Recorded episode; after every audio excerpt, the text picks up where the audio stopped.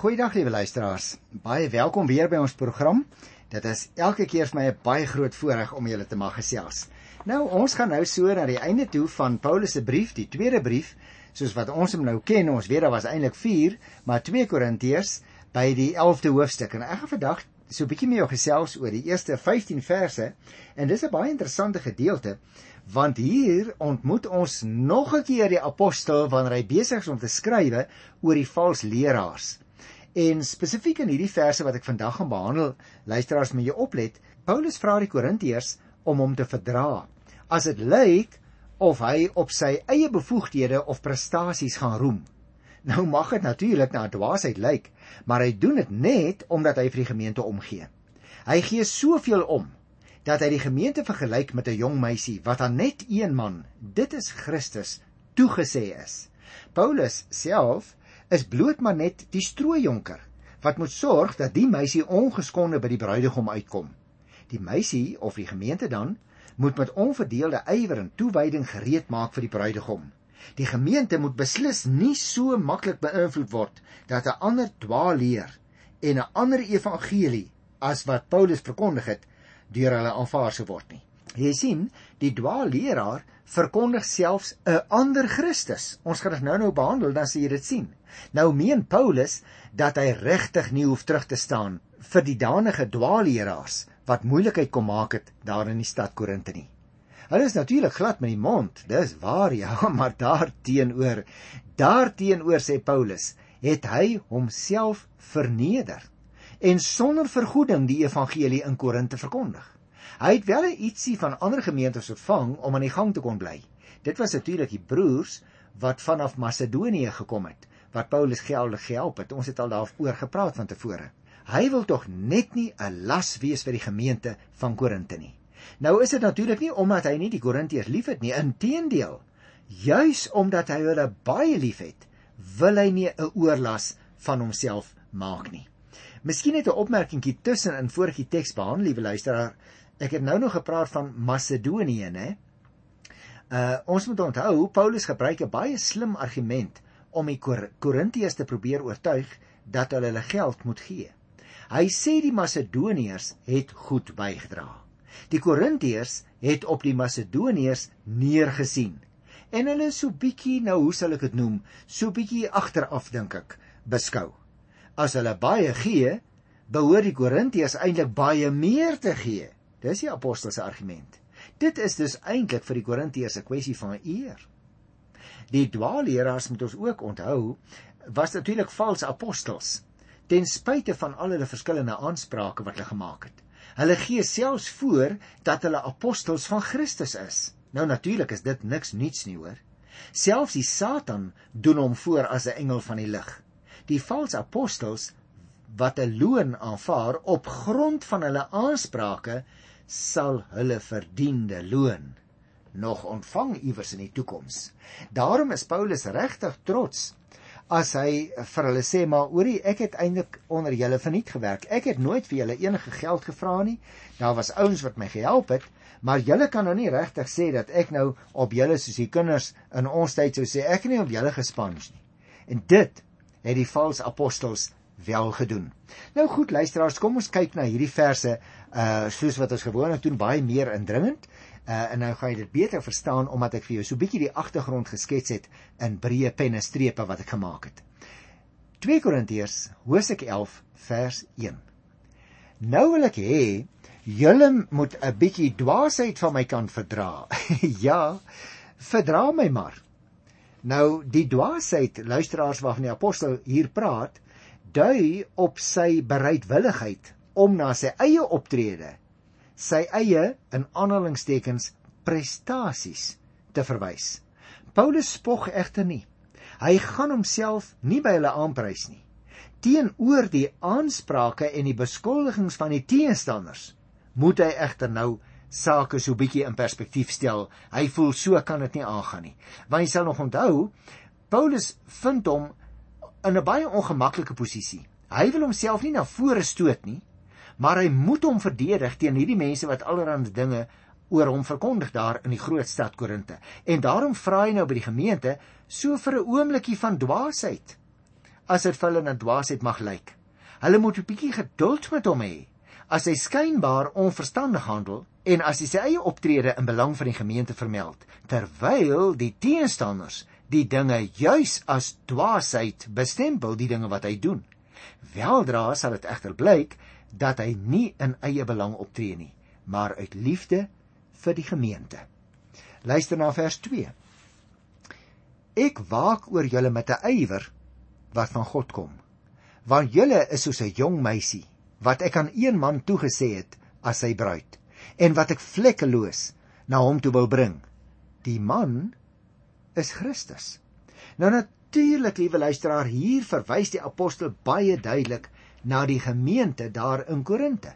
En hy sê weer julle is vir my soos die bruidskerk van die Here en ek wil julle by die bruidegom uitbring. Ek is eintlik maar net die strooijonker as ek nou my eie woord mag gebruik. Paulus se optrede was dus steeds daarop gemik om Christus se bruid rein aan hom die bruidegom af te gee. Nou goed, liewe luisteraar, kom ons lees dan vers 3 en vers 4. Maar ek is bang dat julle gedagtes weggelei sal word van die onverdeelde en suiwere toewyding aan Christus, net soos Eva mislei is deur die listigheid van die slang.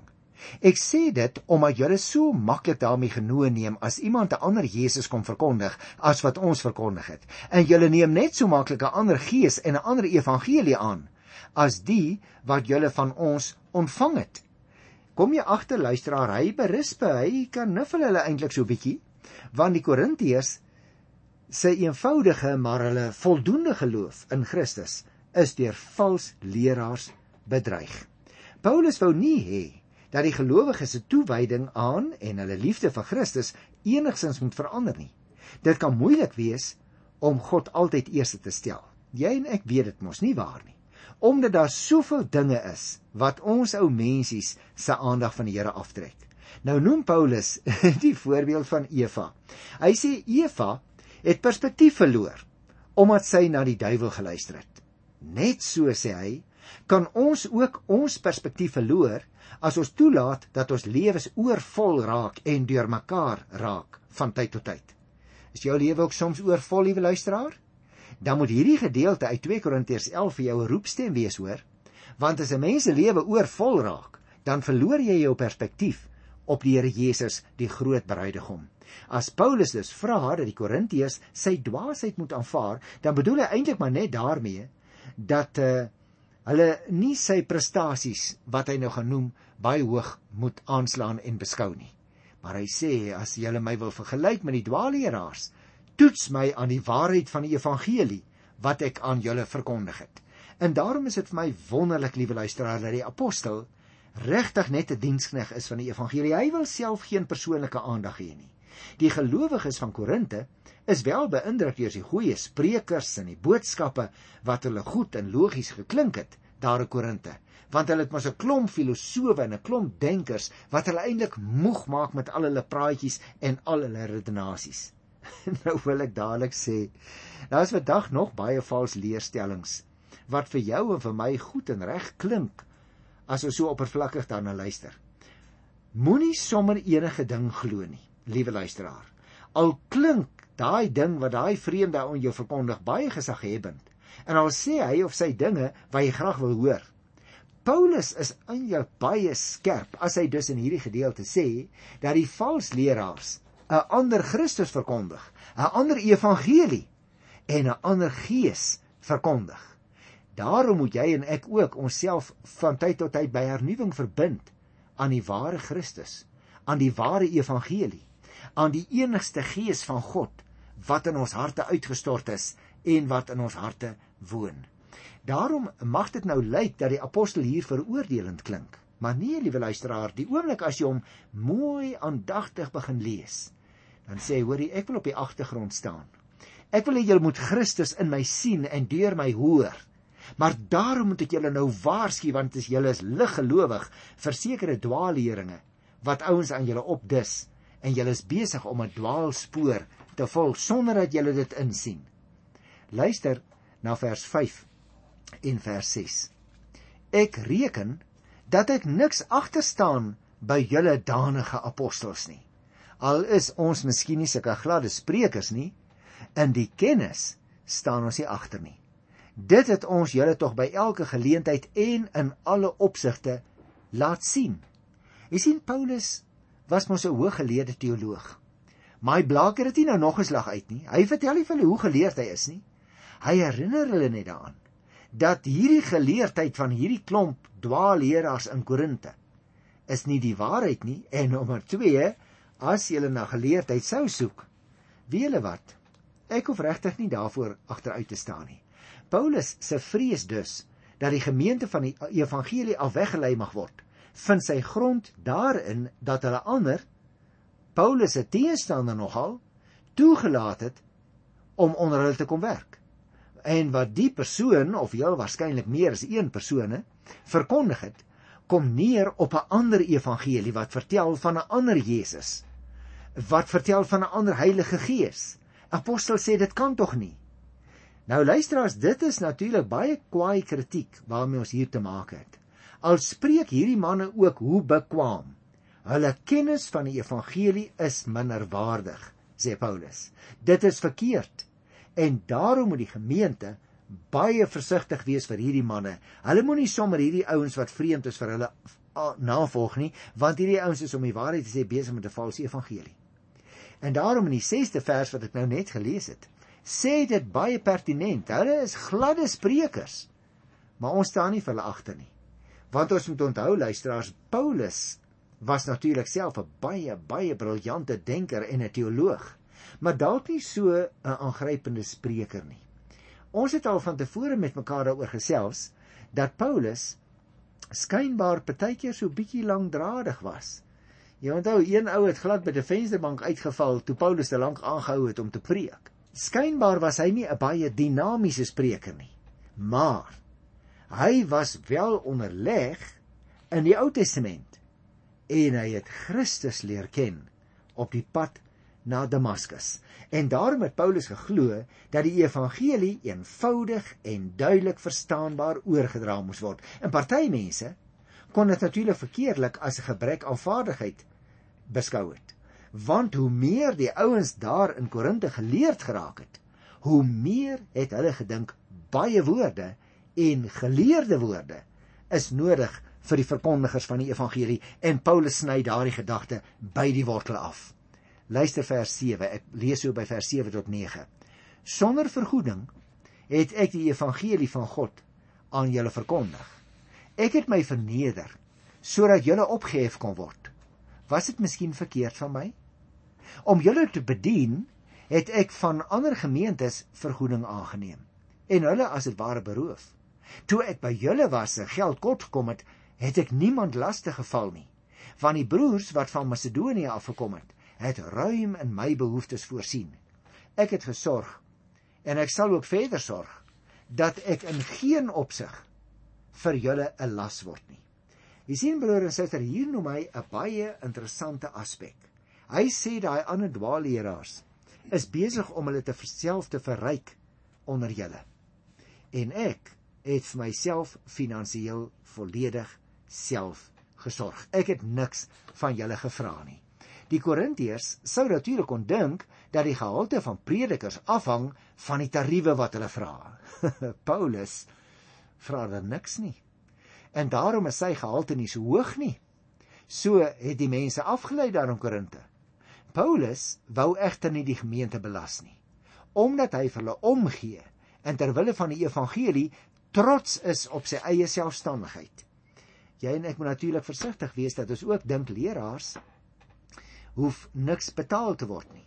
Die Here gaan vir hulle sorg. Jy sien die Here sorg juis deur sy gemeente vir die leraars.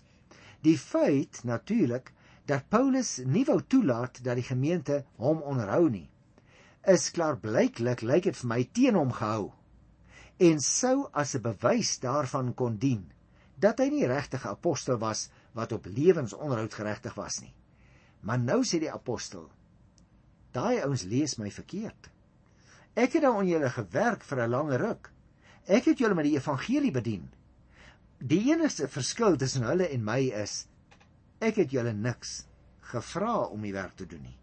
En nou kom ek agter, julle word deur hulle meegesleer omdat julle geld betaal en voel julle kry waarde vir geld en nou voel julle skynbaar julle het nie waarde gekry omdat julle my nie betaal het nie.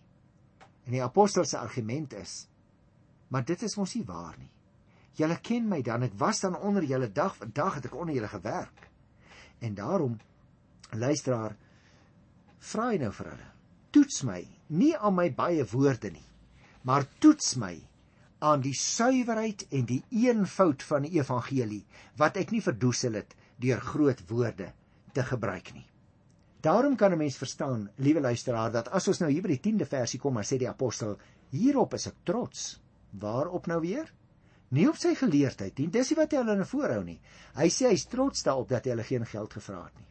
Hy sê hierop is ek trots. En so seker as die evangelie van Christus in my is, sal niemand my in die hele Agaia my dit ontneem nie. Waarom nie? Omdat ek julle nie liefhet nie. God weet ek het julle lief. Jy sien liewe luisteraar, die apostel kom hier op 'n totaal ander vlak in as daardie ander ouens wat hulle self aangebied het onder andere op grond van die feit dat die gemeente hulle moes betaal. Die apostel sê dit is nie so dat ek onwaarheid gepraat het nie, maar ek het julle so lief dat ek julle niks gevra het nie. En daarom moet julle my nie op grond daarvan beoordeel nie. Inteendeel, ek is baie trots daarop dat ek julle niks gevra het nie. En daarom kom ons nou hier baie interessant by die 12de vers wat hy sê: soos ek nou maak, sal ek voortgaan om te maak. daarmee sal ek vir die mense wat 'n aanleiding soek om te roem dat hulle nie net sulke apostels soos ons is nie, elke aanleiding daartoe ontneem. Paulus sê, kyk, ek kan nou nie langer voortgaan om so baie nonsens van hierdie ou ouens te vra nie. Hulle is besig om te julle mislei, julle is half op die dwaalspoor en daarom moet ek nou maar direk vir julle sê waaroor dit eintlik gaan. Hy sê by vers 13: Sulke mense is vals apostels. Jy sien, nou draai Paulus nie meer doekies om nie. Hy wys hulle pertinent uit as vals apostels. Hy sê hulle gaan oneerlik te werk deur voor te gee dat hulle apostels van Christus is. Met ander woorde, liewe luisteraar, die apostel haal nou 'n lang swaard uit by wyse van uitdrukking. Hy sê nou moet ek maar hierdie mense uitwys vir wie hulle werklik is. Vers 14 luister hy raak nog skerper. Hy sê en geen wonder nie. Satan self doen hom voor as 'n engel van die lig. Daarom is dit ook nie snaaks dat sy dienaars hulle voordoen as mense wat die wil van God doen nie. Aan die einde sal hulle kry wat hulle vir hulle self en hulle eie dade verdien. Nou kan daar geen twyfel meer wees nie.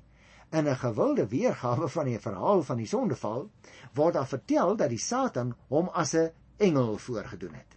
Paulus verwys hier moontlik na die verhaal. Daar is egter niks wat verder van die waarheid is nie as dat die Satan, die regerder van die duisternis, 'n verteenwoordiger van die lig kan wees. Paulus sê maar dit is so nonsens waarmee jy julle besig hou. Net so sê hy, het die vals leraars blaatante leuns vertel toe hulle wou voorgee dat hulle verteenwoordigers van Christus was. 'n Mens dink natuurlik dadelik, liewe luisteraar, aan die uitdrukking skaapwagters in wolfsklere of wolwe in skaapsklere. Die Here Jesus het ook teen sulke mense gewaarsku en nou doen Paulus dit ook onomwonde. Hy's besig om vir hierdie Christene daar in Korinte te sê: Satan en sy dienaars kan ons soms mislei deurdat hulle aantreklik en goed lyk. Hy sê daar is baie niks moede vermoedende mense wat al agter sulke leiers aanloop omdat hulle uit die Bybel aanhaal en boonop oortuigende sprekers is. Maar voor hulle hulle egter kom kry, is die arme volgelinge vasgevang in die een of ander kultus wat hulle van hulle gesinne vervreem en wat bedrieg en wat selfs onsedelikheid aanmoedig. Dit het al baie in die geskiedenis gebeur, liewe luisteraar. Sulke sogenaamde verkondigers noem Paulus vals leraars wat in der waarheid dienaars is van die Satan self. En daarom moet jy en ek so versigtig wees. Want ons leef in 'n tyd, onthou jy, op 'n stadium was daar 'n kultus hier in ons eie land wat gebruik gemaak het van leraars wat uh, in Switserland opgelei was. Maar die mense het hulle al meer onttrek uit die maatskappy. Hulle het al meer ingekeer geraak tot hulle self totdat dit naderhand gebleik het dat die vals leraars ongeag hulle hoë opleiding daar in die buiteland was besig om hulle self te verryk uit hierdie niks vermoedende wat sal ek hulle noem gemeentelede hierdie niks vermoedende Christene wat gedink het die gemeente waarin hulle was is so vol sonde en dwaasheid nou gaan ons liewer luister na hierdie nuwe leraar totdat hulle ontnugter geraak het en totdat hulle sommige van hulle in elk geval byna met hulle lewe daarvan afgekom het. Dieselfde het gebeur in Amerika met 'n klomp mense wat na valse leraars geluister het en wat hulle daartoe gelei het om te glo hulle moet almal self as groep selfmoord pleeg want môre gaan die oordeel plaasvind. Nou ja, dit het hulle leraars vir hulle gesê, maar hulle het so vasgekyk in die leraar dat hulle vergeet het om te hoor wat die woord van die Here sê, want die woord sê niemand weet wanneer die uur van Jesus se koms is nie. Daarom moet julle in elke uur waaksaam wees. En dit is die groot gevaar en daarom kan ek verstaan dat die apostel nou hier baie skerp optree. Want jy sien in Paulus se situasie aan hierdie mense wat hy skryf daar in Korinte, het die leiers probeer om hulle self nie net as leraars nie, maar volgens vers 15 selfs as vals apostels voor te doen. In werklikheid wat Paulus betref, vermom hulle hulle eintlik maar net as apostels. Hulle bring nie die boodskap van lig nie, maar van duisternis. Die vertaling hier in Afrikaans dui hier daarop uh dat hierdie mense hulle voordoen as mense wat die wil van God doen. Nou ja, waarskynlik waarskynlik gryp Paulus se verwyte baie dieper in as net die oppervlak. Hulle doen hulle voor as mense wat in die diens staan van die nuwe bedeling van God wat daarop gemik is om regte verhoudinge tot stand te bring maar in werklikheid staan hulle nie in diens van God nie en is hulle nie medewerkers van God en deel hulle nie belange wat Paulus deel ten opsigte van die evangelie nie hulle het 'n verkeerde lewenshouding en hulle het niemand na die Here gelei nie hulle is dus Eh, dienaars van Satan en sal in ooreenstemming met hulle verkeerde dade deur God geoordeel word. Nou liewe luisteraar, dit is natuurlik 'n geweldige sterk standpunt wat die apostel hier inneem. Waarom? Want hy sê daarom is dit ook nie snaaks dat sy dienaars hulle voordoen as mense wat die wil van God doen nie. En dan wys hy na die uiteinde van sulke mense. Hy sê aan die einde sal hulle kry wat hulle vir hulle verdiende dade verdien. Nou luisteraar, die vraag en daarmee wil ek afsluit wat soms by jou by my op, opkom, maar hoekom straf die Here nie sulke valse leraars in ons tyd nie? Daar is soveel dwaalleraars in die wêreld. Daar is soveel mense wat wanneer jy hulle toets aan die eise van die skrif, jy eenvoudig jou hande wil saamslaan en sê, "Maar hoekom sien mense nie die dwaaling raak nie. Nou daar's verskillende redes. Ek dink die eerste rede is omdat ons nie altyd die woord van die Here so goed ken nie. Terwyl Paulus skryf in 2 Timoteus 3 vers 15 en 16 dat die Here juis sy woord laat inspireer het sodat jy en ek 'n maatstaf kan hê om dwaalinge te beoordeel. Maar nou ja, die gemeente in Korinte was nog nie baie oud nie Die mense het nog nie uh die maatstawwe, die volledige Bybel gehad wat jy en ek het nie en daarom het hulle hulle maklik laat mislei. Kom ons hanteer die woord van die Here soos hy dit bedoel het. Ons lê dit aan as maatstaf vir ons eie lewe. Ons lê dit ook aan as 'n maatstaf ten opsigte van leringe wat ons hoor en as dit nie die toets van die skrif deurstaan nie, dan verwerp ons eenvoudig daardie dwaalinge met die veragting wat dit verdien. Ek groet jou op grond van die Here se woord tot volgende keer in sy wonderlike wonderlike naam. Tot dan. Totsiens.